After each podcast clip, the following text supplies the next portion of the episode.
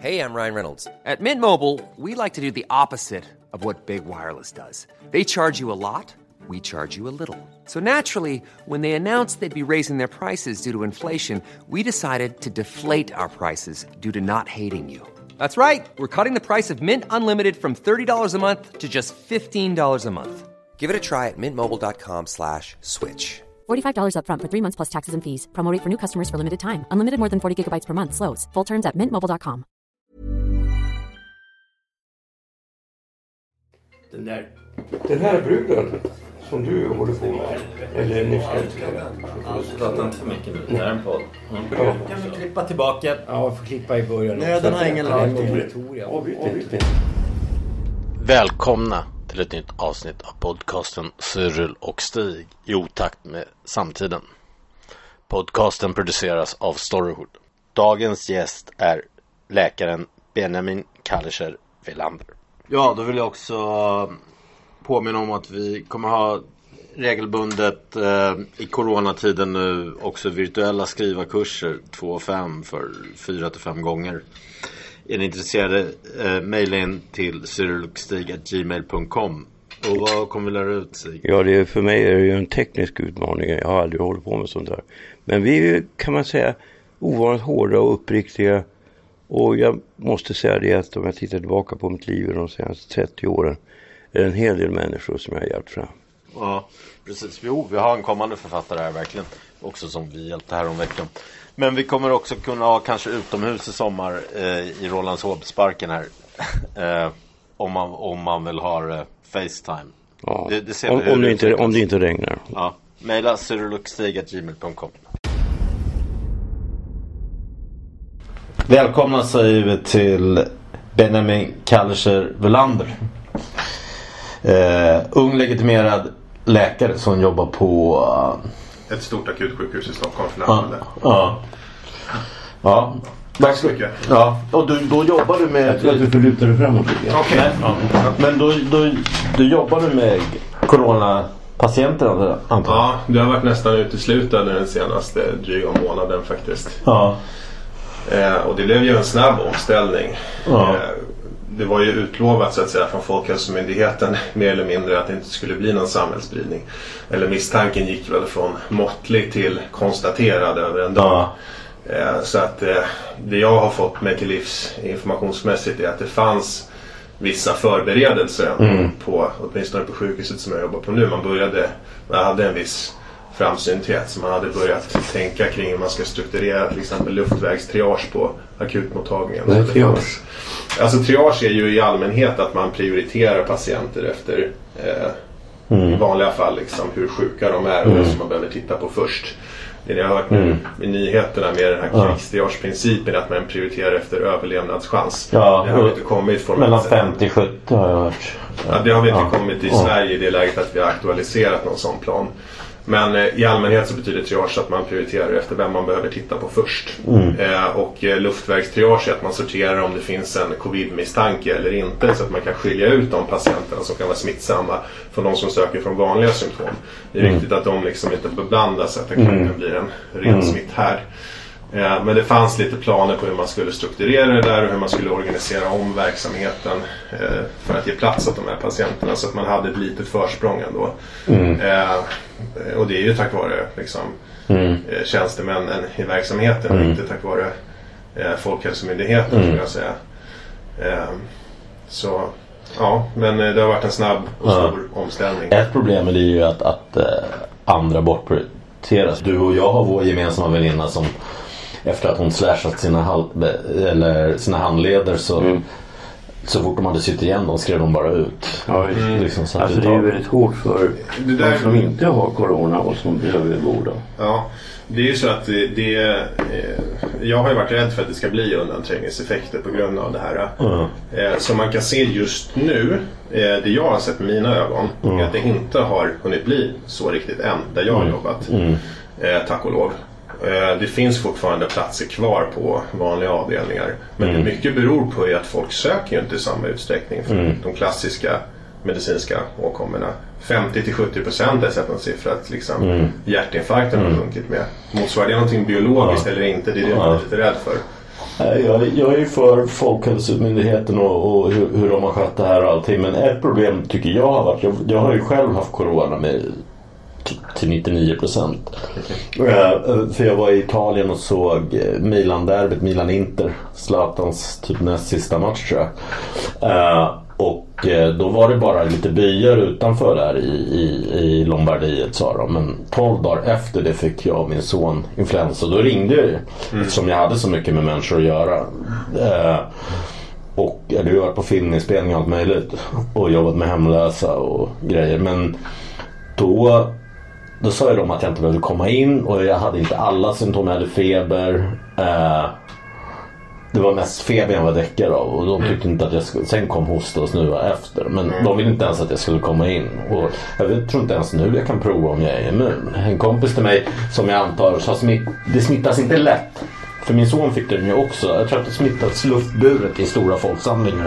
Som det här var en fotbollsmatch. Veckan efter var det Bergamo, eller Atalanta i Atalanta, Bergamo Valencia. och Valencia som smittade ner då Spanien med deras supporter tror man. Eh, och Korea var det ju också gudstjänster och sådär. För att min son han, han har ju tre syskon och en mamma. De fick inte.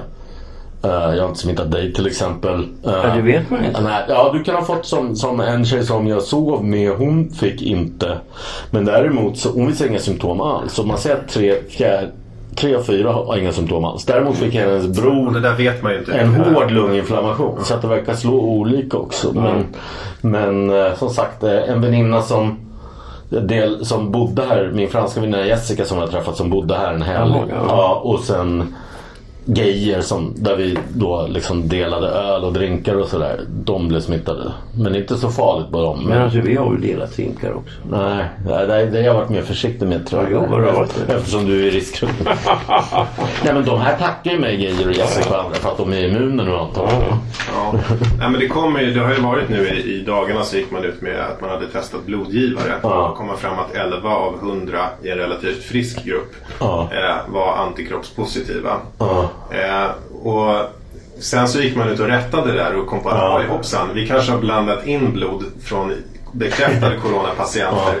Eh, som då skulle vara givare av Mm. antikroppar till eh, sjuka, svårt sjuka i liksom experimentellt behandlingssyfte. Så att den där datan är inte tillförlitlig än. Men det kommer snart antikroppstester på ett liksom brett utsnitt av befolkningen där man mer kommer att veta hur många som är immuna och har haft sjukdomen. Sen kan man ju inte veta exakt då i tid eh, när de har, det kallas att man har serokonverterat. Ja. Det innebär att man är positiv för antikroppar. Ja. Eh, de som är asymptomatiska kommer ju, och förblir asymptomatiska under hela förloppet kommer ju inte kunna placera i tid exakt när de har serokonverterat. Det. Jag tror att det måste vara fler. För att i Sverige har vi nu, idag, nu, idag är vi uppe i exakt 1765 dödsfall. Idag är det den 22 april. Och vi har typ fem, strax under 15 000 smittade. Israel har också, där du kör en stenhård eh, politik. Du, du typ förföljer, man snackar om en statskupp, icke-demokratisk. I vissa har det här också tagit, tagit bort demokratiska rättigheter. Många. Trump försöker också liksom. Men, men Israel har också strax under 15 000 men du har bara 170 dödsfall. Ja. Och vi har 1700. Ja, och det säger väl någonting om att man har ett mycket större testkapacitet och en mer aktiv spårning där. Ja, sen tror jag också att det kan... Jag snackade med en kille som jag... En gammal barndomskompis med molekylärprofessor i molekylärbiologi. Därför att jag, jag höll på att studera föreuropeiska språk. Och så hade jag en karta över Italien och Spanien. Det är ju framförallt här de finns. Och det är just i Lombardiet och i... Vad blir det? Framförallt i eh, Baskien och eh, nordöstra, alltså det som numera är Katalonien. Va? Som var iberiska. Va? Och det är precis just de områdena som också har drabbats. Och när jag snackade med han då sa han det att ja det kan ju, för att det är faktiskt så att du har ju olika, och framförallt i Kina resonerar mycket om det där, olika blodgrupper. För kineserna är väldigt inne på genetik. Va? Ja. Ja men det där är jätteintressant. Alltså, och det finns ju bland annat så vet man ju att eh, den här viruset binder till en receptor i lungorna som kallas för ACE2. Eh, det gör även SARS binder till den receptorn. Eh, och det finns ju teorier om att Men SARS smittade, ja, jag bodde Ja, men- i New York då. Det var bara... Ja, nej, men det var mycket mindre Ja. smittsamt och framförallt så var, man, var det enbart folk i liksom väldigt aktiv fas av sjukdomen som smittades. Så det var lättare att begränsa och isolera. Men eh, receptoruttrycket kan eventuellt påverka hur sjuk man blir. Mm. Eh, och det är möjligt att det där kan faktiskt eh, skilja sig med genetiska fenotyper. Mm. Att eh, vissa människor från olika delar av världen kanske har en ökad sårbarhet. Det här är ju rent spekulativt. Mm. Men eh, vi vet ju idag att, att det finns de som blir väldigt svårt sjuka och det finns de, och det ser man ju kliniskt. Eh, och det finns de som är eh, högt upp i åldrarna som reder ut det här ganska väl. Mm. Eh, utan att bli så jättesvårt sjuka. Och eh, vi vet inte riktigt varför det är så. Mm. Man kan inte riktigt förutse. Jag kan inte säga till dig att du kommer att få en supersvår corona eller du kommer att få en förkylning. det är inte så att det finns som med, med HIV olika varianter av, av Jo, det gör det. Att- Det att finns olika, men vad jag såg de senaste studierna så var det inte så att man kunde säga tydligt koppla dem till att eh, en eh, olika, eh, alltså det kallas för virulens. Alltså att de blir olika aggressiva. Man inte, men det kanske finns, men eh, de kända olika eh, serotyperna är, som det kallas, är vad jag vet inte någon som har identifierats som den särskilt aggressiva typen. I alla fall inte av de som cirkulerar liksom, i Europa nu. Eh, Själv tror jag alltså mer på fysik som Adam Alsing nu gick bort. För jag har förstått så här han både astma och på gång diabetes. ja, men och, astma är en väldigt... Det är inte en... och diabetes låter ju också konstigt att det skulle ha. Ja, fast det, det, det, det är klart att det är ju en riskfaktor. Framförallt hur om den är liksom dåligt behandlad och så vidare. Men alltså jag generellt sett för att få, alltså så här, för att liksom få en, en inte klara av att reda ut en svår lunginflammation. Det vet man ju att det är dåligt om man är liksom, har de här klassiska riskfaktorerna. Lungsjukdom, hjärtsjukdom, diabetes och så vidare. Men för att, eller som jag uppfattar det, för att i första hand hamna där, för att i första hand liksom få den här svåra bilden. Det är klart att man ser att det hänger ihop med ålder, men helt tydligt mycket mer än så så är det ganska Och svårt att diabetes med säga. övervikt och sådär ibland också. Men du berättade när vi sågs eh, förra gången att det var förvånansvärt och väldigt besvärligt också att det var många yngre. Va, som, Ja, så är det. Man är inte riktigt, jag är inte riktigt van vid att se eh, patienter som har varit eh, Alltså så många som har varit eh, fullt arbetsföra Mm, blir så svårt sjuka och till och med inte klarar det. mm, Jag såg en vän, väninna på Facebook, hennes bror var 37. Ja, ja, För några veckor sedan var det typ, då var det ett fall mellan 30 och 40 och tre mellan 20 och 30. Ja. Som då hade lung, dålig lungkapacitet och så allihopa. Men nu verkar det sti, komma mer i, i yngre ålder. det kan jag inte uttala mig om. Ja. Men eh, det är inte... Eh, det vet jag inte faktiskt hur det är med det. Men det är inte otänkbart om man tänker att de kanske har haft ett längre intensivvårdsförlopp och sen till slut inte klarar det. Om man är väldigt sen att stänga av en respirator eller konstatera att det inte går att vända för en yngre patient. en- Så att jag vet inte, det kan ligga någonting i det men jag har ingen aning för att vara ärlig. Men, det här du berättade, du tog upp att det liksom är lite så att de...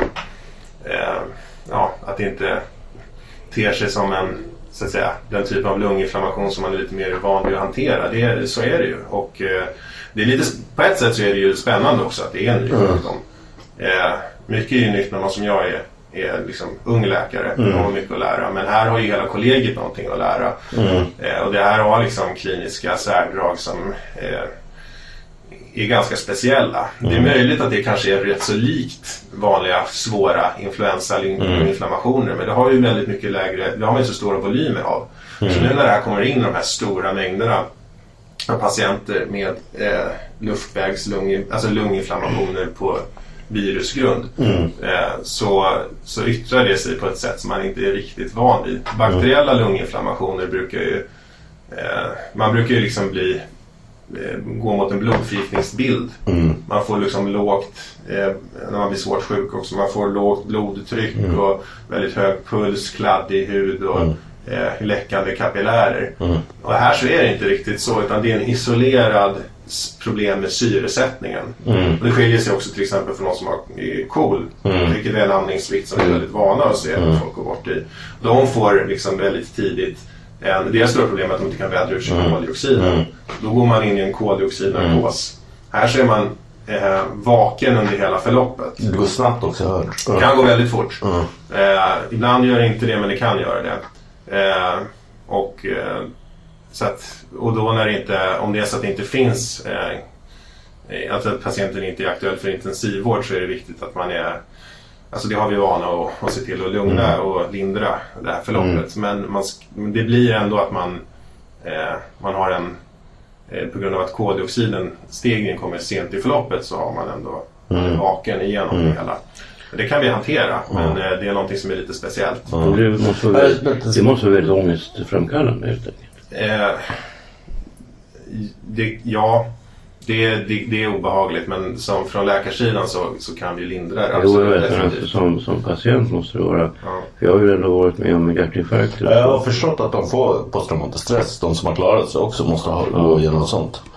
Och det, och det är ju ofta som en nära döden upplevelse. Och det kan ju också vara på en del som våra. Jag lyssnade på Sigges, eh, den här podden, eh, Läget. Och det var en väldigt ung läkare, tror jag, som grät. Ja. Det är ju som min exfru när hon jobbade på, när vi också var unga, 30, när hon jobbade på barncancersjukhuset.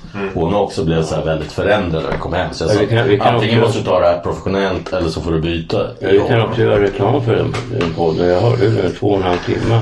Var ju riktigt bra. Det är märkligt med människor under den här tiden att vissa tar sig i kragen och, blir, och liksom bättre än vad de var tidigare. De blir mer moraliska och sköter sig mer, sköter sitt jobb bättre. Ja.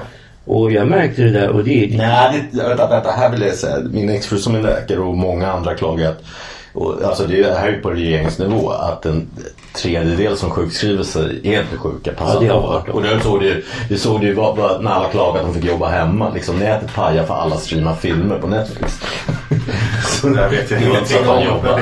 Ja, det är så fruktansvärt. Ja, nej, men jag har hört många läkare som är irri- irriterade över det. att Det är också fel sjukskrivningar och också ek- samhällsekonomiskt. Det är därför vi ska börja nu ta prover, vad jag har förstått. För så många sjukskriver sig med Fler, alltså, ja, möjligtvis en vårsnuva. Ja, nej, men, men eh, i och för sig så är det ju eftersom man inte, återigen det här kliniska spektrat, man ser Ja. att det är allt från en förkylning till Mm. en Ja. eh, liksom, påtaglig andningssvikt. Mm. Eh, och ibland inte symptom alls. Vi har hela spektrat så är det ju Mm. viktigt att folk stannar hemma vid diskreta symptom. Och du kan inte skilja en Mm. liksom, förkylningscoronavirus från det här aggressiva Ja. Nej, det kanske är så.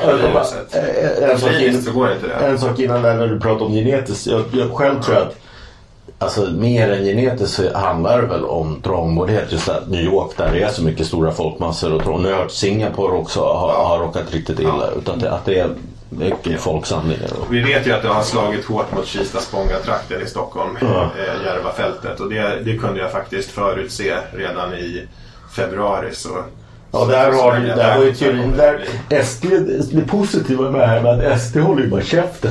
Att det är många liksom, för, alltså, för de har ingen sån. Ja. De försökte ett tag att somalier spred smittan. Men det handlar ju om att somalier jobbar inom vård och bussgrejer. Och sen har de dålig och sen har de, och sen, och sen har de dålig information på sitt språk. Nej, jag tycker, jag tycker inte man ska göra några spekulationer om politik i det här läget. För det kan ju ändras fruktansvärt snabbt. Nej men politik, vänta, politik har ju med för att, för att om du kollar på, på äldreomsorgen och vården. Alltså. Sverige, Sverige har ju begått två i alla fall fel. Jag håller med folk eh, som nu heter något så, att vi tycker jag sköter oss bättre än många andra länder. Att, att vi Ja. kör rätt politik. Men däremot gjorde vi två fel. Dels att man inte kollade alla från, från Italien. Som jag själv, trots att jag ler om det. Eh, eh, och sen nummer två hur man har hållit på med äldreomsorgen och hemtjänst. Jag, jag pratade med en väninna igår som eftersom så många blev arbetslösa som hade ryckt in ett pass i, i, på vårdhem. Och då var det ju då var det ju, då fick de, då blev de till att du får bara använda ett par eh, plasthandskar under hela ditt pass. Och då har du, jobbar du med avföring. Det här vet man ju sedan Florence Night- Night- Nightingale att, att liksom 1800-talet att du Ja. inte kan sköta eh, patienter med det. Ja. Och det har ju med de här privata företagen som såldes ut. Ja, imorgon, imorgon. Ja, nej, det har väl i första hand med det, att eh, det är både kommuner och regioner i, eh, som haft ett ansvar att hålla beredskapslager. Och det har ju för sig, det lastas ju kanske inte primärt Folkhälsomyndigheten för eftersom de har ju ändå stipulerat i sin pandemiplan att de är regionerna är och, och, och kommunerna är ålagda att ha det beredskapslager och skyddsutrustning. Men det har ju inte Men just här det att köpa finns- in plasthandskar på privata företag. Det är väl för företagen själva som ansvarar för.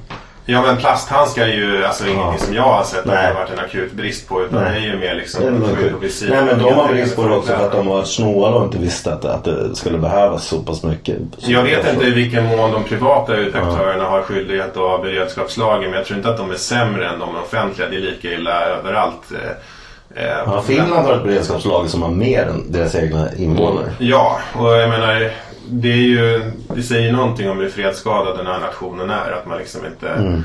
har tagit höjd för att sådana här saker kan hända. Det finns ju Ja, Det var Alliansen som brände upp det Kajsa Ekisson. Ja, men alltså sossarna började montera ner fältsjukhusen och sålde av skiten. Och, alltså, det, är liksom, det här är ju en, eh, det här är någonting djupare. Ja, man kan säga så här, e- ja. efter murens fall och när, den, eh, alltså när kapitalismen fick fritt spelrum.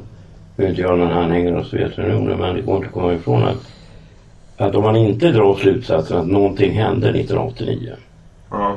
så är man ju lite korkad. Mm. Och på tal om Finland så var jag ju då och uppvaktade, jag gjorde då ett, förmodligen ett brott. Men ett brott som jag tycker är moraliskt korrekt. Nämligen, jag hade på mig, jag hade spritat händerna och hade på mig handskar. Tog mig in i en port och bjöd en 108-årig dam. Hon är född 1912 alltså. Mm. Fyllde 108 år i måndags.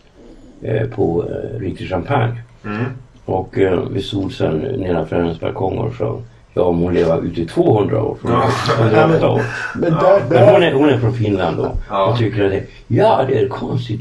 De är så hysteriska. Hon har ju varit med, hon minns ju finska inbördeskriget. Ja.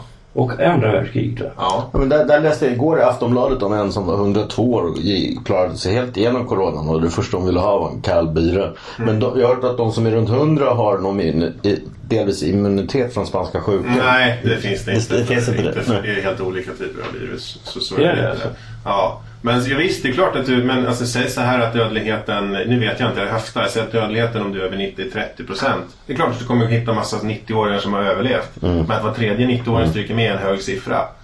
Det är liksom... Det är ganska många 90-åringar i Sverige. Ja. Kan det stämma? Alltså, jag vet inte om det stod fel i tidningen. För det, att, att tusen, äh, Hongkong-influensan kom ju 68. Jag kommer ihåg, jag var med Sovjet med min mamma som var reseledare 1975 när jag var fyra. Och då var vi, vac- vi hade, hade någon form av vaccin. Så vi var de enda som klarade oss. För då gick, då hade den Ja, jag hade Hongkong.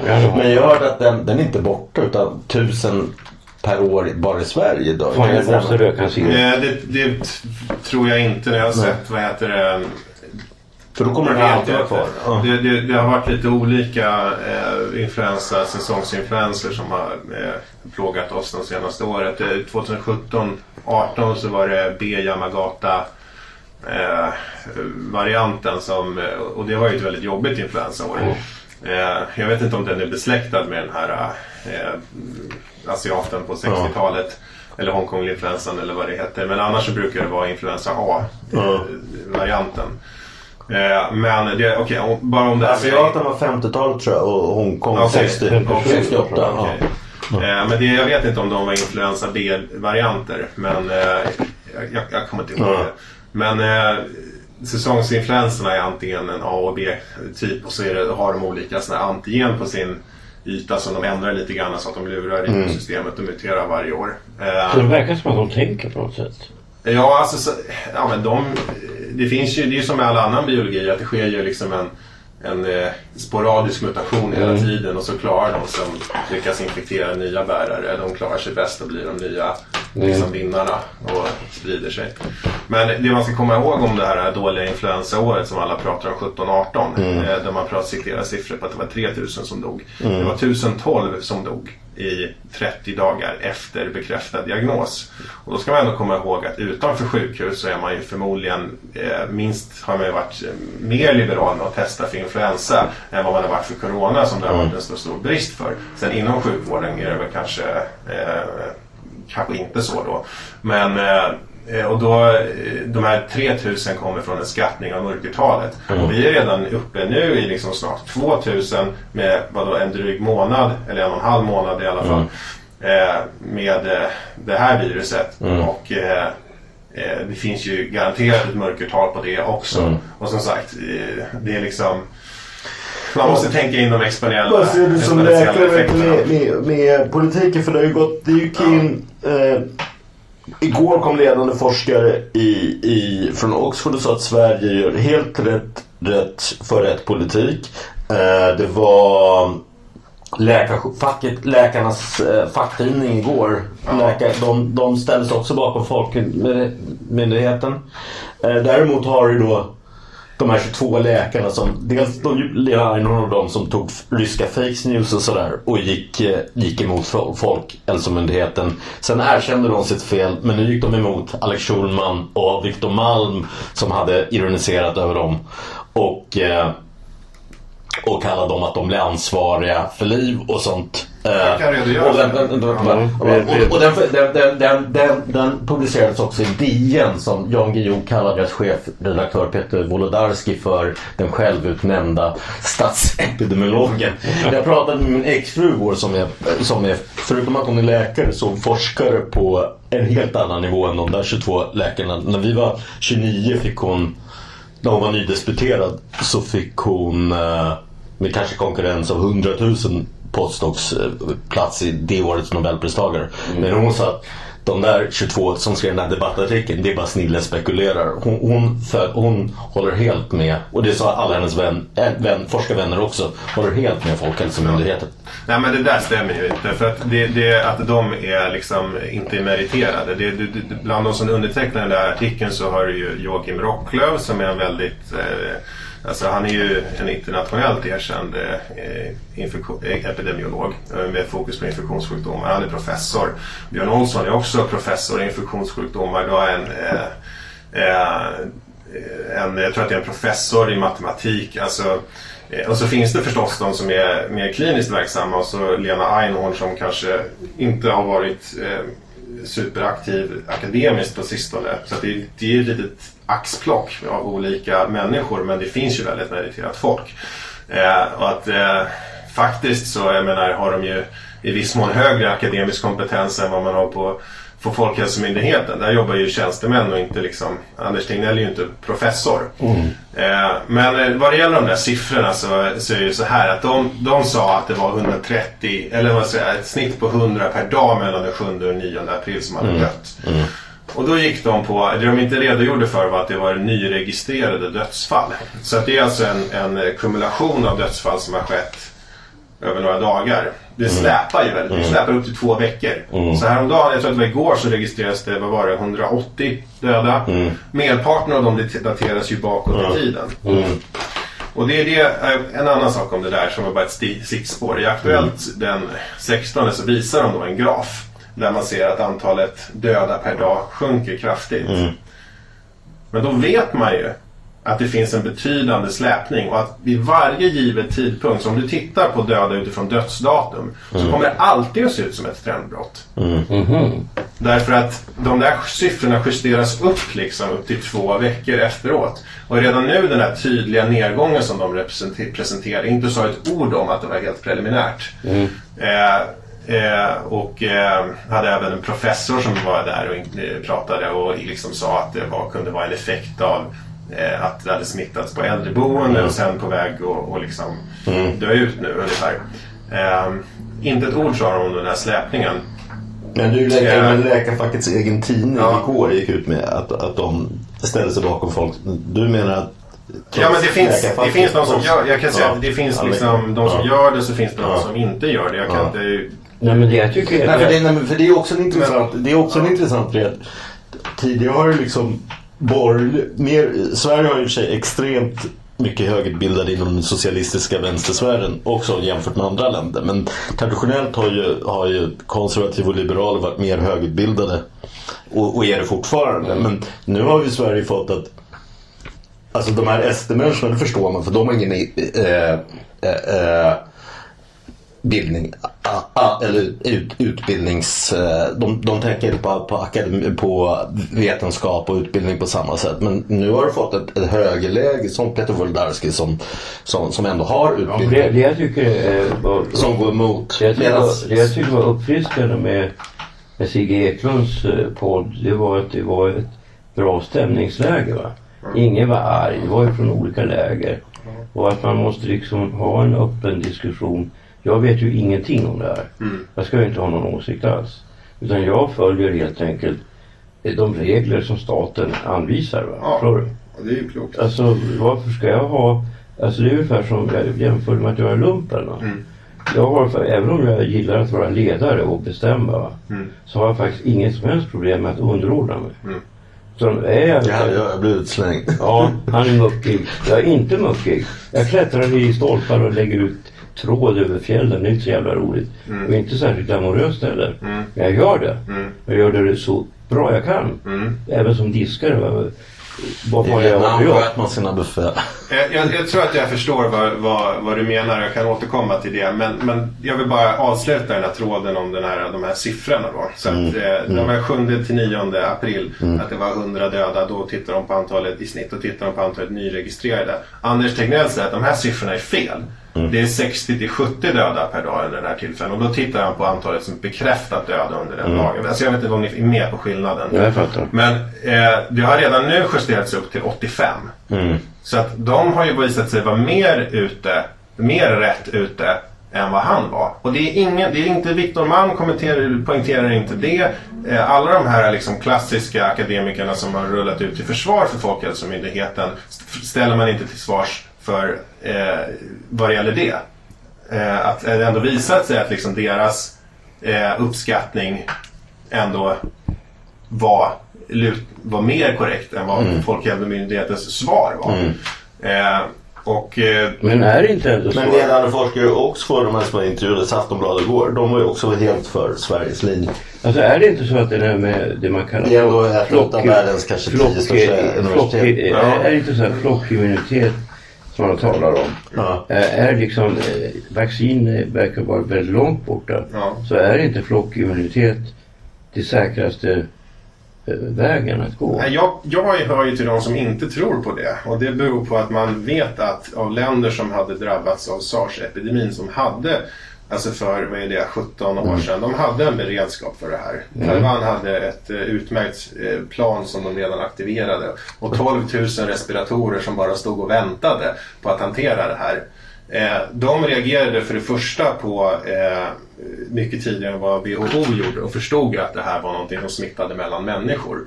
Och tog höjd för det och stängde gränsen och liksom satte i karantän Taiwan. Ja, Taiwan fick ingen smittspridning. Sydkorea har ju genom liksom modern teknologi, akt, masstestning, aktiv spårning brutit den här kurvan. De är inte på väg mot flockimmunitet och det finns liksom inte, vad jag har sett, någonting som tyder att de kommer behöva vandra den vägen.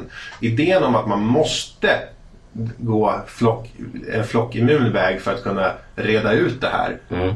tror inte jag är sann. Och det finns Okej. väldigt mycket empiri som tyder på att det inte behöver vara så. Ah, ja. Britterna hade ju, det, du pratar om Oxford, om man tittar på Imperial College som brukar anses vara, som är rådgivande till brittiska regeringen och som anses vara de främsta eh, epidemiologerna, i- bland de främsta epidemiologerna i världen och experter på smittskydd. Så då hade de ju först en linje av att man måste sprida det här långsamt och platta ut kurvan så att sjukvården hänger med och så vidare. Men sen så, eh, deras modeller där de tog höjd för liksom hur risken är, hur stor risken faktiskt är för att det här blir ett riktigt ett utfall som vi inte är beredda att acceptera. Så la man ju om strategin helt och förstod att man, man kan inte ha den här strategin som kallas för mitigation som är att man ska sprida det långsamt. Vi måste köra stenhårt på en suppression, vi måste få lockdown, vi måste få kontroll över det här. Man måste liksom stänga gränsen och eh, trycka ner antalet. Men jag tror att sars var inte lika farlig. Jag bodde ju, alltså de som blev väst, värst drabbade i västvärlden var New York och Toronto. Jag bodde i New York då. Ja. Och då, då handlar det om ett hundratal fall i Chinatown och kanske högst 400 eller något sånt. Nej, Jag vet inte, det kanske handlar om 1000 i Toronto. Men redan efter en månad då, eh, jag var på Sarstock som var större än Woodstock. Rolling Stones kom dit. För Keith Richard hade varit i husarrest där för droginnehav. Och så krävde de att nu har ni narkotikafritt en dag. Så kommer Rolling Stones och drar dit folk.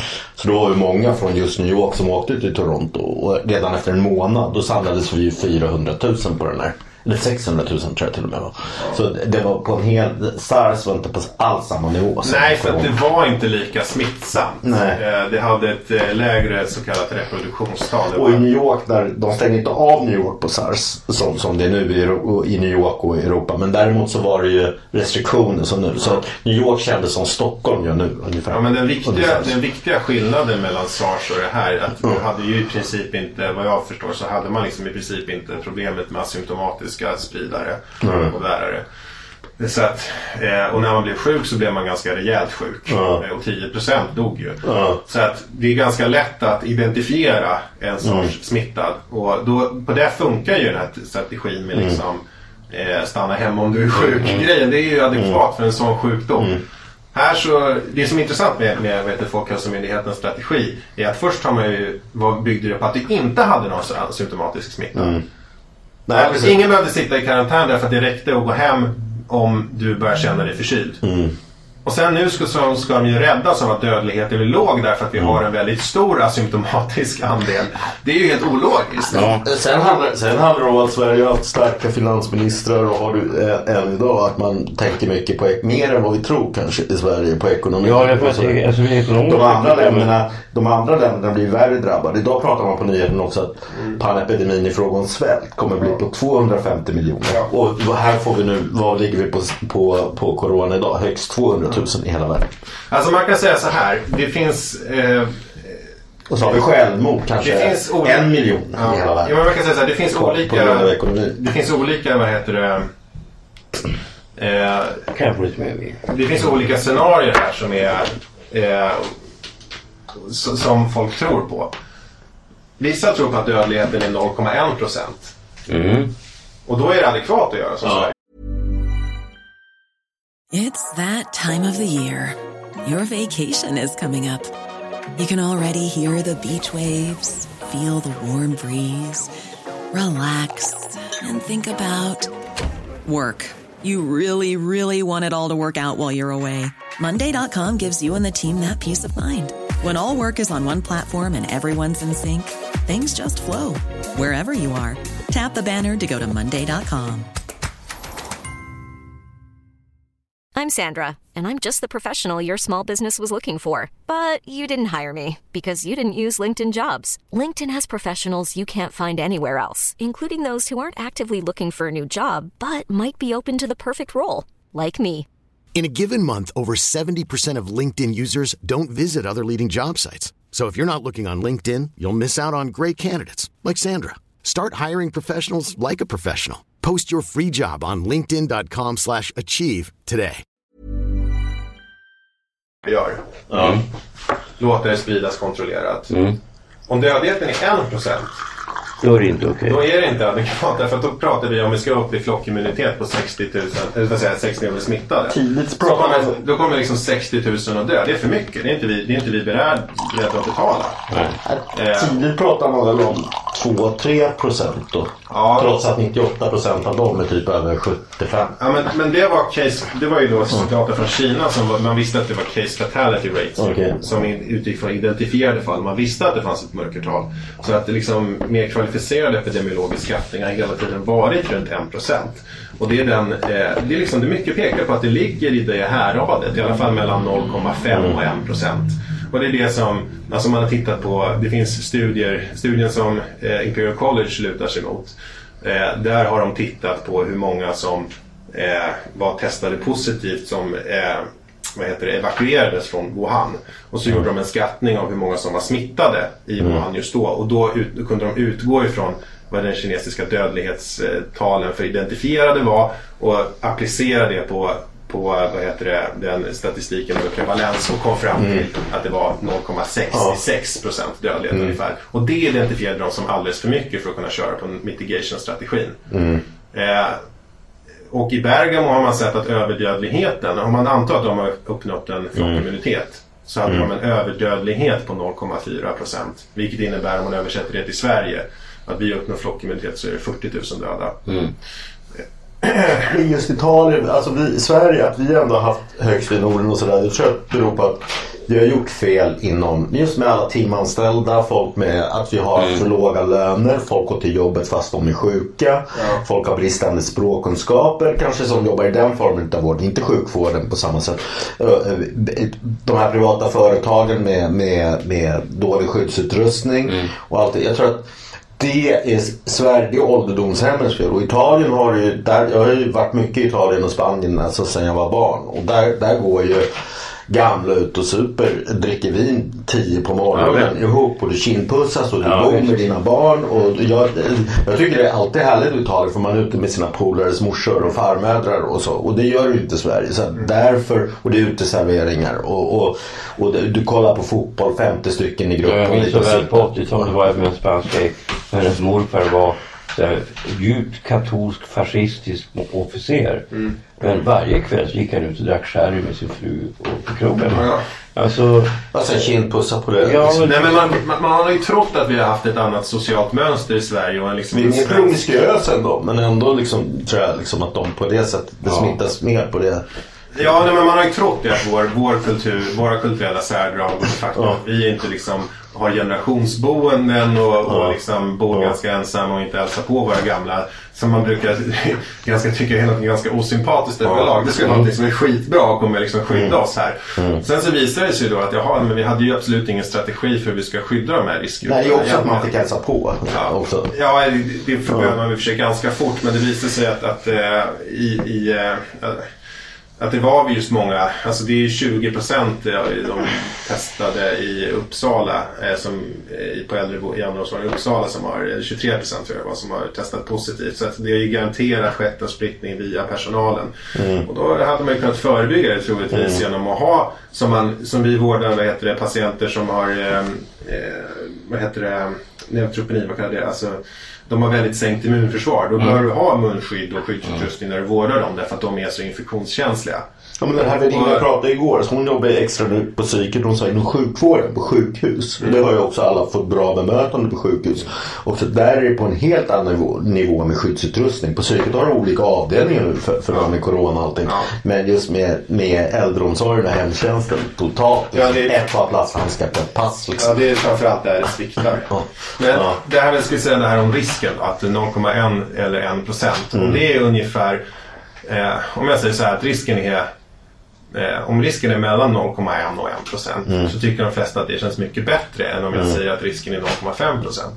Men om jag ger dig en revolver som är laddad Eh, alltså magasinet är laddat till 50 procent och så ska vi spela rysk roulette. Och så säger jag att du får välja den här eller så får du välja den här revo- revolvern som antingen har noll eller fullt med kulor i laddad. Vilken skulle du ta då? Då är den hälften såklart. Den med hälften? Det känns bättre än den som är noll och... Om jag ska skjuta mig själv med den. Ja men alltså, det, förstår du? Okej, det här är lite konstigt scenario. Men jag, jag är, här har jag, du har två du får välja mellan. Den enda vet att det är varannan Ja. kula i Ja. den här runda kolven är laddad. Jag funderar inte. Ja. Ja, och den andra så säger jag att det här kan vara noll men det kan också vara 100%. Den kan vara fulladdad. Vilken skulle du välja? Vilken skulle, Ah, då skulle jag säga den. ja, vilken skulle du välja Stig? Ja, då ska jag välja rysk roulette-varianten.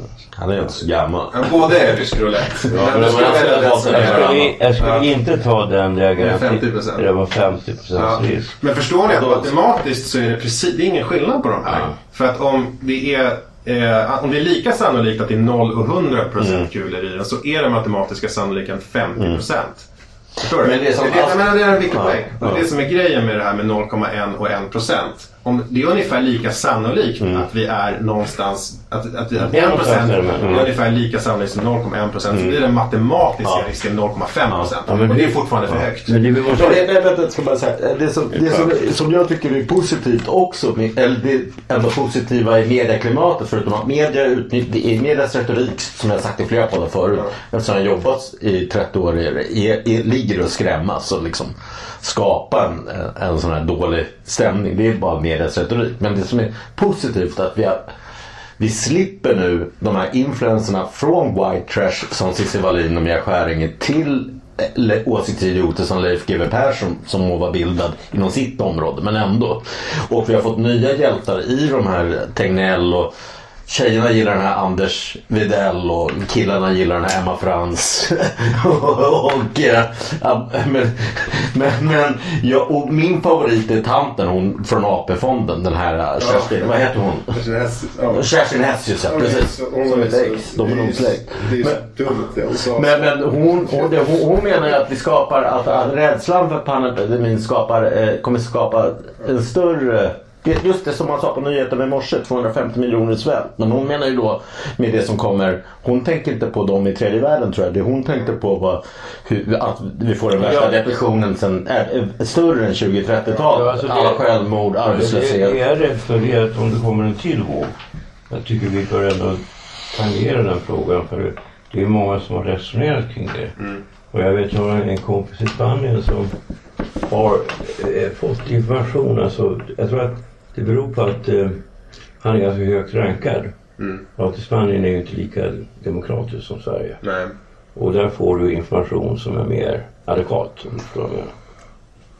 Alltså om du sitter liksom i någon sorts topposition. Ja, okej. Ja. Ja. Han menar ju då på att det är fyra vågor. Mm. Och att det kommer, det är liksom inte ett naturligt virus.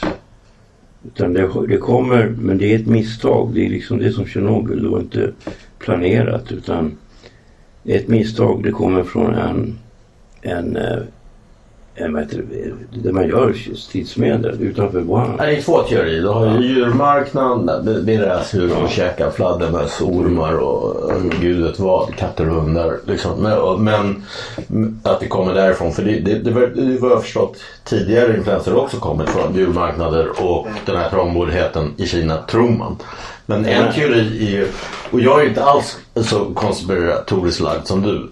Du är på GWs nivå där poliser har skjutit Palme och allting. Liksom. Men, men, men för en gångs skull är det att om de har gjort... Kina köpte bara i fjol 160, eller om jag ska ta min Asperger, exakt 156 företag med 400 dotterbolag bara i Sverige. Och de börjar nu ha- hamstra upp bolag i Europa. Plus att de säljer skyddsutrustning och eh, ja, ja, gud vet vad. Att, det är ju en konspirationsteori att de skulle att de har gjort det här med flit. Ett, från ett militäriskt labb i jag tror inte de har gjort det med flit för att det drabbar ju dem själva också. Ja, nu börjar ju USA sätta bak. Minnesota har, vill stämma Kina på, på flera miljarder. alltså det är absurt. Alltså de, de, de gör ju inte det. eh, Alltså det är ju, samma, det är ju som att tro att, eh, att Tjernobyl skulle vara ryska militärens idé. Va? De följer på grund av det. Ja.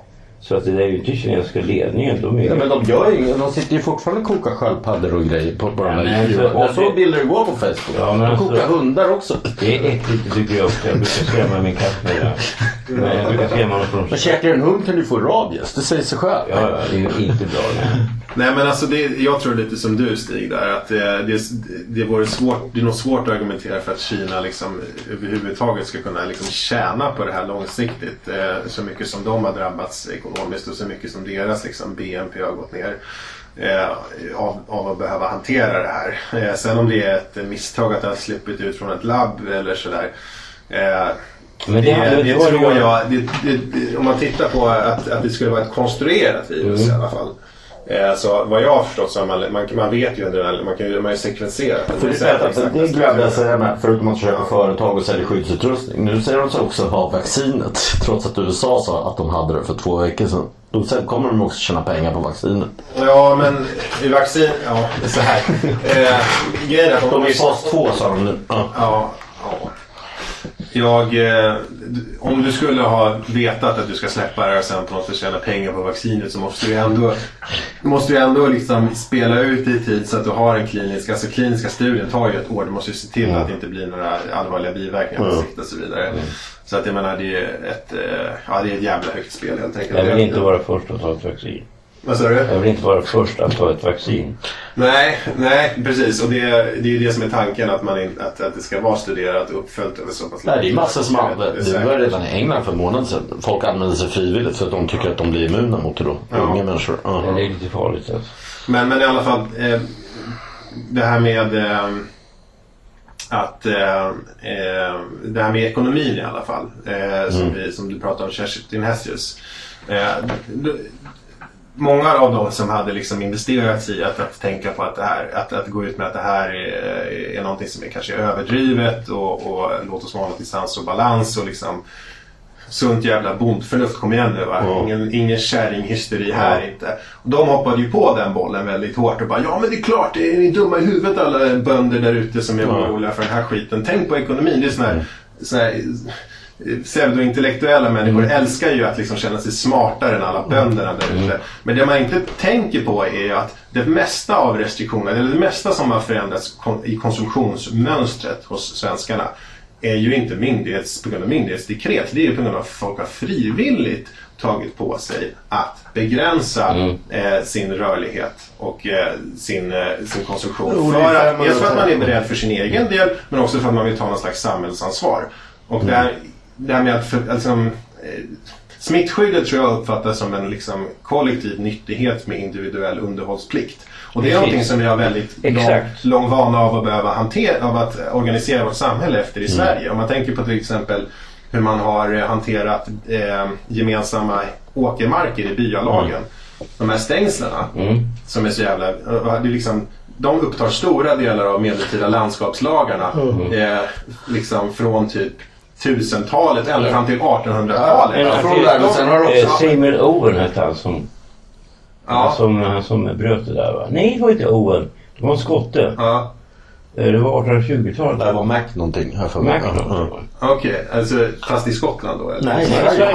Ja, men det, var, okay, det förvånar mig Vi hade att skotska skott- legoknektar. Ja, Det man säkert väl så. skottet för att det var ett jävla kulturellt liksom, stigma att bryta mot den Ja, där jävla grejen. För att om du missköter ditt, din jävla del av stängslet då, läcker ju, då kommer ju djuren in. Djuren betade ju inte där, de betade ju på fria marker och maroderade hela skörden. Det är ju, byns liksom, överlevnad är ju sabbad för vintern. Men Öland har Det- ännu inte genomfört den här eh, eh, lagen.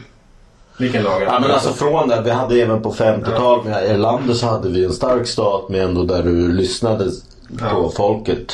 Eller där folket lyssnade och följde. Liksom. Det fanns både för och nackdelar med Ja, Sverige där. Liksom. och det är förmodligen jävligt dju- djupt rotat det här. Ja. Att folk, eh, upp, alltså det förvånar mig inte att folk eh, gör det här. Alltså att säga att man kan samordna sådana här Ja. saker. För att det förutsätter ju faktiskt en gemensam tillit på att alla andra vet- gör Ja, det men samma förutom, förutom jag och mina vänner, vi klagar på våra 40-talistföräldrar som går ut ändå. De följer inte. Det är en speciell generation också. Jo, precis. Men Riktigt. det behövs ju inte vara så många som Nej. bryter mot det för att det ska Nej. sticka ögonen. Poängen är i alla fall att det mesta av det här har varit frivilligt. Och den, det, man kan inte gå ut och säga att man ska häva liksom, restriktioner som inte finns. Och om det blir en väldigt stor, snabb, okontrollerad smittspridning och sjukvården blir totalt överbelastad och det kommer reportage från hur folk liksom ligger och dör, småbarnsföräldrar i Täby ligger och dör i fältsjukhuset i Älvsjö. Vad tror ni skulle hända med konsumtionen då? Om vi befinner oss inte på den här 0,1 Ja, sant. 1%. Skulle folk gå ut och konsumera och gå på krogen och parta som vanligt? Men det är redan MQ konkurs och så, alltså stora kedjor. 500 hotell Ja, och konkurs. det beror ju på i- att, de här, att Volvo har permitterat så många anställda. Att Scania har permitterat liksom nästan hela sin personal. Det beror ju på att globala eh, förädlingskedjor har stannat av. Det beror ju inte på vad liksom, Folkhälsomyndigheten har sagt eller inte. Så liksom, Kerstin Hessers idé om att det är någon slags eh, Folkhälsomyndigheten har överreagerat, att man stängt ner landet i onödan. Jag menar, den, den grejen Alltså det finns inte riktigt. Och alternativet till det existerar heller troligtvis inte. Det existerar bara om det här nu är så ofarligt att det liksom Nej, är liv eller Nej, jag- hälsa. jag- Och det måste jag säga, det ser inte jag när jag jobbar på sjukhuset. Vi skulle inte, jag, jag har ytterst svårt att tänka mig att alla akutsvårdsavdelningar, en stor del av medicinkliniken har behövt, skulle behövt upptas helt åt coronapatienter om det här var en vanlig Fast det tror jag de gör i andra länder också.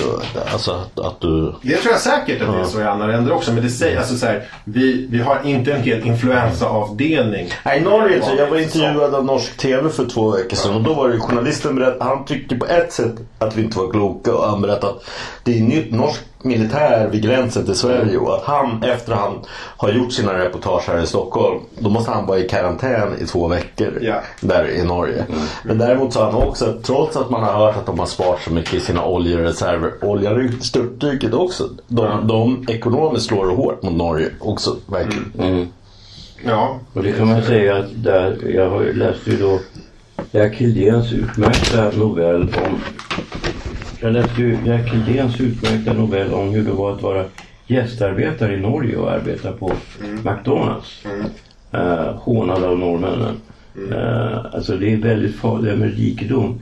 Om jag får välja mellan att vara fattig och rik. Jag har minsann både varit relativt rik och sen har jag varit ganska fattig. Eller väldigt fattig. Då väljer jag naturligtvis att vara rik. Men det finns också nackdelar med det. Nej men alltså jag förlorar jag skulle jag, jag, jag har ju fått ett jobb som reporter i en internationell tv-serie så jag förlorar ju 50 000 i månaden på det men jag ser inte och gråter blod på det. Ja, men men alltså, så fort gränserna öppnas igen kommer jag ändå få... Ja, Alltså, men både jag och du är vana är att redan- vara antingen jättefattiga eller också jätterika. Men det är ju inte så typiskt för människor. Ja, Skillnaden är, skillnaden är, jag hade tänkt att köpa ett landställe nu men jag får göra det nästa år istället. Så håll käften om det. Ja. Nej men alltså, ja, vad ska man säga om, ja. Så du, du, du tycker att eh, med ekonomiskt att man ändå ska ha restriktioner och, och offra ekonomin på det sättet? Jag tror att det inte... Jag tror att de ekonomiska konsekvenserna påverkas av en biologisk realitet. Ja. Eh, och den kan man inte bara välja att bortse från. Den kan man inte bara sätta ett godtagligt slutdatum för. Och liksom människors beteende och ekonomin överlag är ett liksom, komplex avvägning eller sammanslag av många olika faktorer där den här biologiska osäkerheten ingår. Och eh, det är möjligt att, att, det kommer att, alltså, att det kommer att bli så att, att, vi, att ansiktet räddas och det visar sig att det är en eh, biologisk variation som man inte har sett på något annat virus så att andelen asymptomatiska är helt överväldigande stort att vi liksom faktiskt är nära flockimmunitet nu och då har ju det här agerandet visat sig vara tämligen korrekt. Men vi vet inte det nu än. Nej. Och det är det jag menar med den här Alltså riskskattningsskalan. jag, jag, jag håller med dig om att, att jag, alltså jag är ju då ganska dumdristig. Va? Ja.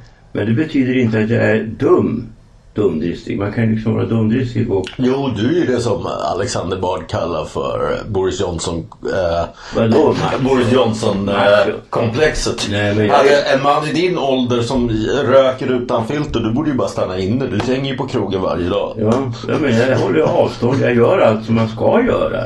Spritar händerna och är en dygdig medborgare. Men jag vill träffa folk ändå. Jag andas ju inte i deras ansikte. Jag har inte kysst en tjej på lång, väldigt lång tid. Och Jag minns inte. Det var väldigt länge sedan. Får vänta lite med Ja, det. vi slutar nog där. Nej men, nej, men, nej, men en grej till med, med, med nej, det jag tycker det är fint med det då, att, som, men som jag tror att det kommer, just med det ekonomiska kommer vända det. Det fina är att alla människoliv är lika värda. Eftersom, alltså, för så är det väl ändå i hela världen att, att, att handlar det inte om typ 90% i alla fall över 75 är de som dör. Är ju över 75 år. Nej, det är, jag vet inte om det är... Nej, så är mycket. siffrorna? Så, så stor eh, andel är det nog inte. Men det vet För, jag. en, pro- för, för några veckor sedan var det i alla fall, då kommer jag ihåg 1% av alla döda i corona var under 50. Var det då tror jag. Ja, men början när det det, vet jag inte, men det kan stämma. Ja. Alltså under 50 är dödligheten Så då, då är det fina att alla människoliv är lika värda. Men det som jag och många vänner med mig har pratat om att det kommer när ekonomin och sånt. När man inser att den måste räddas, att då skiter man i dem. Kommer det bli en vändning. Alltså, det, alltså, vi har en risk för... Alltså, det är, Redan nu, igår, för jag, jag behöver ju åka. Den här tv-serien som jag ska vara reporter i, den ska filmas i Spanien, Italien och, och USA. Så det är den jag är spänd på. Men och USA tror jag att, som Alexander Bard snackade om, att då kommer en elit vårdpersonal, journalister få komma in. Men även vi kommer få, få coronatesta oss innan. Så där är jag glad att jag antagligen är i. Men, men, däremot igår pratade de om att Sydeuropa, det slår så hårt mot turistnäringen i Europa. De kommer öppna gränser för turism under sommaren. Så att jag är förhoppningsvis i Italien i augusti i alla fall och filmar. Och kanske ha då plexiglas med folk på stränder. Jo, nej, men fan, det kommer vara avstånd. De, de kollar på Sverige nu. Att det kommer vara avstånd på krogar och sånt. Fast de kommer ha striktare regler. Det är det som är problemet i Sverige. Jag har ett möte på, ett viktigt möte på fredag och då med så här, investerare och folk och, då, och de var ju så här, vi, sitter, vi, vi, vi sitter inte på uteserveringen där, där man inte sköter de här som på Sturehof som jag föreslog först. Men då såg jag på vänner att just Chow Chow, och nu gör vi reklam för det, men vid Odenplan, där håller folk avstånd. Ja, men trots det Sturehof håller avstånd. Gör, nej. Ja, jag var på Sturehof. Jaha, okej, okej, okej, då ska vi inte sänka dem. Nej, de har ju sponsrat oss. Nej, men Sturehof är väldigt strikta. Det är ju samma sak med Rosendammar där jag går. Va? Ja. De är ju väldigt så här militäriska närmast. Ja, jag kan blandat ihop. Jag har bara gått förbi vissa ställen där folk det är sitter tätt på annat. Ja, uteserveringen. du, du tänker nog på Medborgarplatsen där. Ja, det kanske. Men sen får vi se där om du säger att de kommer titta på Sverige och hur man har löst det här. Det, är liksom, det, det utvisar ju framtiden. Alltså, vi vet verkligen inte om det här har varit... eh, Det är experimentellt. Idén om att man kommer... Alltså så här, idén om att man kan sprida en väldigt infektiös, väldigt lättspridande virus selektivt i befolkningen. Ja. Så att du ska träffa selektivt de, de yngre och friskare. Det är någonting som det är helt oprövat. Att kväsa ett utbrott, stampa ut det som man har gjort i de sydostasiatiska länderna. I viss mån i Norge också. Eh, det vet vi empiriskt funkar. Att sprida det selektivt har vi ingen jävla idé om kommer, kommer fungera överhuvudtaget. Eh, och sen är det så här att eh, eh, att, vi har ju geografiska områden i Sverige som är mycket, man ser det. Alltså, när jag, jobbar, jag kan se på postnumret att vi tar det på postnumret. Ah, det där är, Ja. det där är symptomen, måste, det är corona. Ja. Och det säger någonting om att det kan finnas vita öar i Stockholm. Och att den här slår inte som Björn Olsen sa jämt som en bombmatta utan det klustrar. Men är det inte så här? Så här, så här skulle jag vilja säga att mycket, alltså det, det, man kan säga Alliansen, det man ser nu, de har förstört. Till och med KD, eh, KD erkänner att det var fel att sälja ut apoteket, säger de nu. Och det är fel att vi bara har timanställda inom vården. Det erkänner KD nu.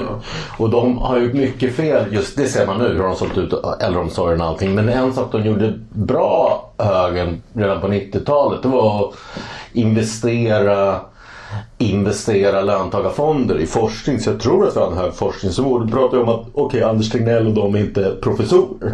Men om du kollar, eh, eller sen vet jag inte hur det funkar i just den naturvetenskapliga världen. Men om du kollar på kulturvärlden så de som sitter på höga tjänster inom utbildning, Athena på Biskops-Arne, det är ju ingen, det är ju inte Katarina Frostenson på ett Och om du kollar på DI, Manus, eh, Alexander Skantz, det är ju inte...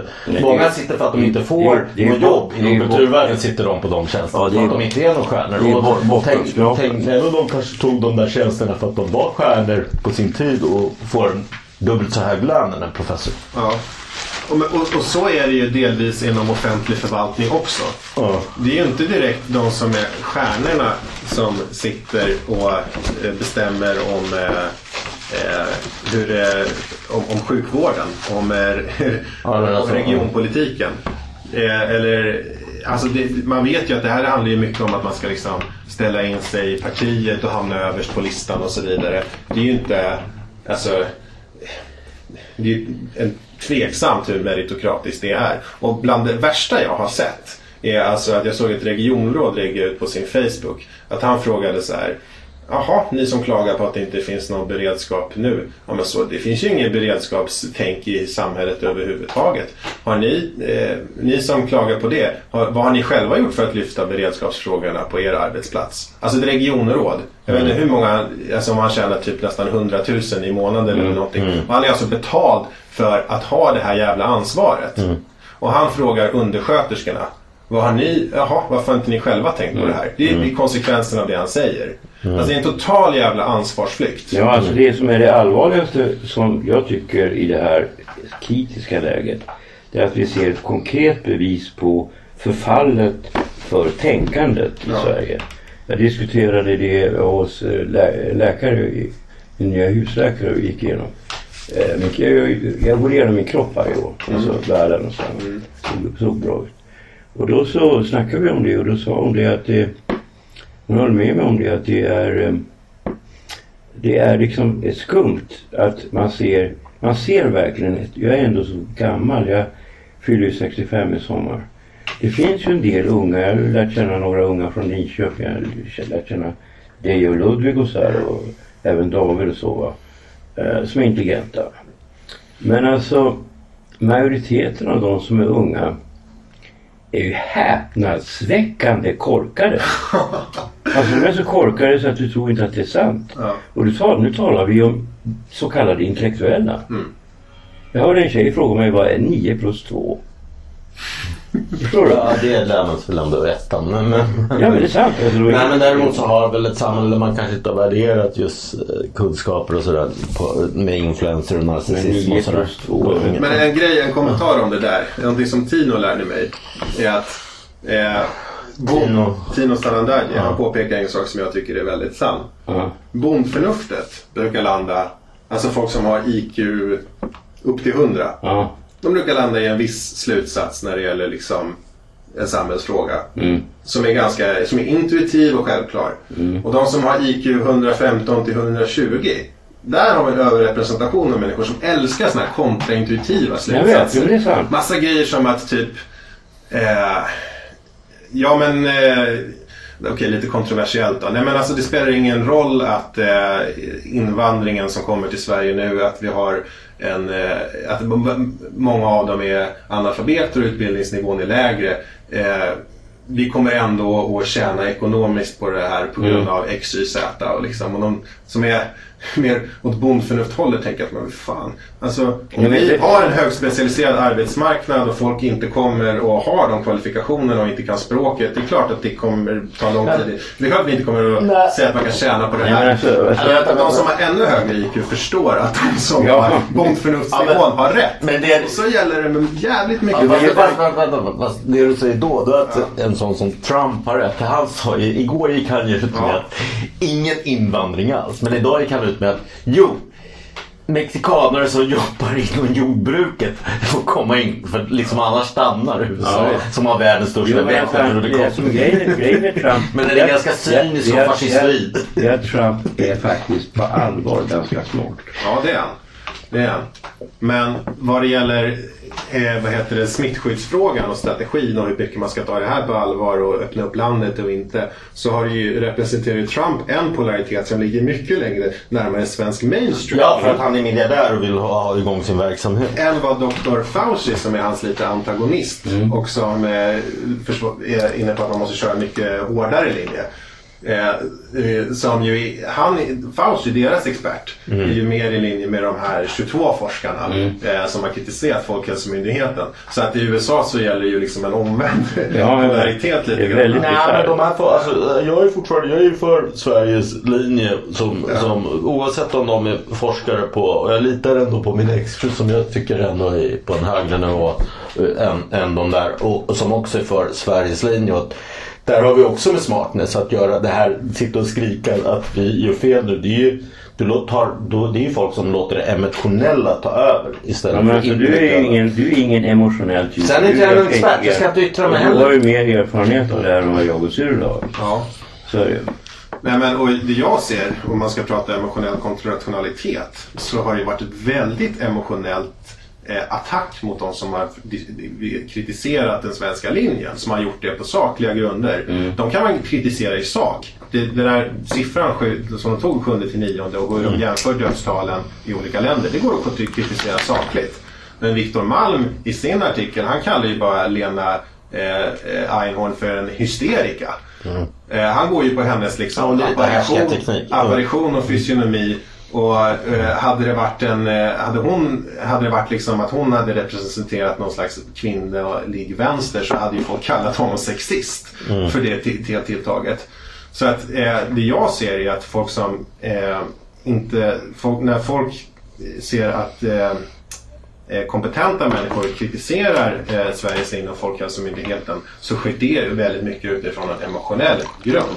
Om man Ja, är, alltså, men jag, jag kan faktiskt förklara var, varför jag tror att de här, alltså de här 90 procenten och 100 procenten och 120 procenten, alltså, Ja. eller 120 IQ, där, vad det handlar om. Jag tror att det handlar om arbetsplatser. Mm. För alltså, jag märker det på folk som sitter när jag käkar lunch. Mm.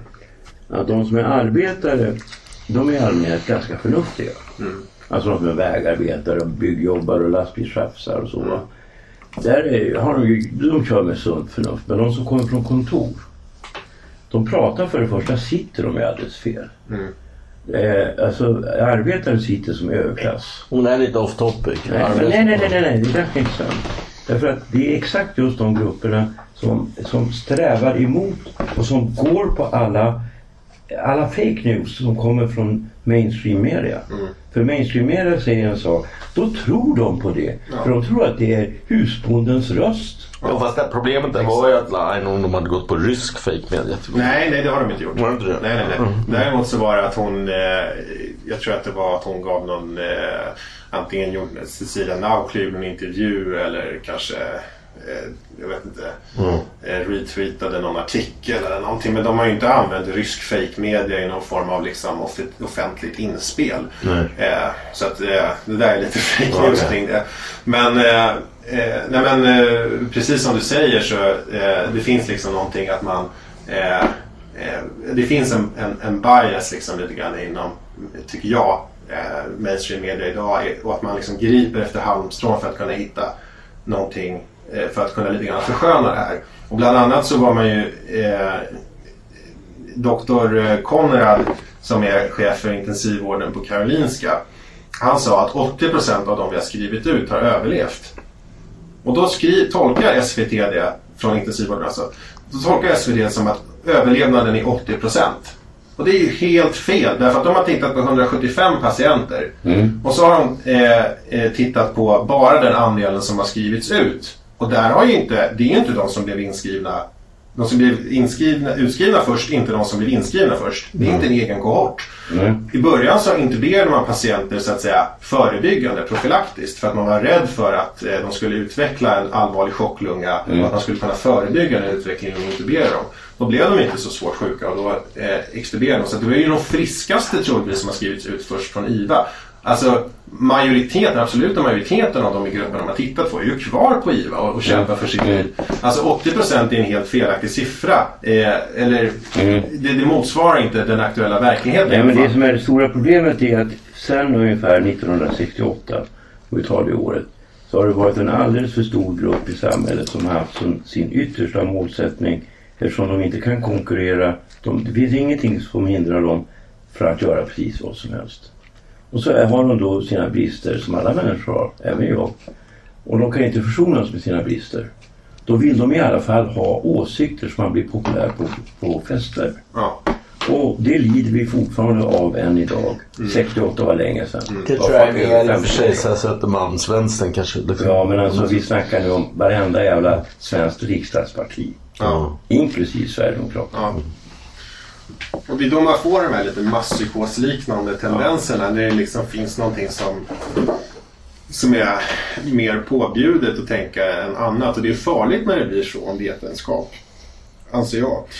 Och eh, som, alltså min viktigaste poäng är, som vi har kommit in på här är att det finns liksom det finns ett riskpanorama av, av eh, tänkbara verkligheter angående hur hög dödligheten är. Och vi kan inte vara helt det finns ingenting som är så övertygande och ingen annat land gör bedömningen att eh, det är tillräckligt mycket som talar för att dödligheten är så pass låg att man ska kunna köpa den svenska linjen. Visar sig det vara rätt så är ju det fantastiskt. Men givet det vi vet idag så är det faktiskt ett högt spel. Vi slutar där. slutar där. Ja. Stötta gärna oss på Swish. Nummer 123 535 4857. Nummer 123 535 4857.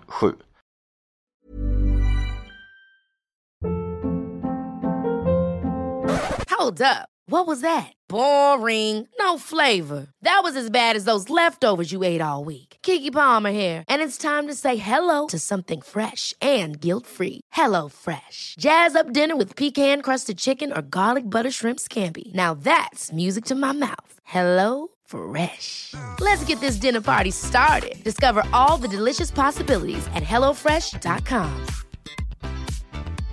Hey, it's Paige DeSorbo from Giggly Squad. High quality fashion without the price tag. Say hello to Quince. I'm snagging high-end essentials like cozy cashmere sweaters, sleek leather jackets, fine jewelry, and so much more. With Quince being 50 to 80% less than similar brands. And they partner with factories that prioritize safe, ethical, and responsible manufacturing. I love that. Luxury quality within reach. Go to quince.com slash style to get free shipping and 365 day returns on your next order. Quince.com slash style.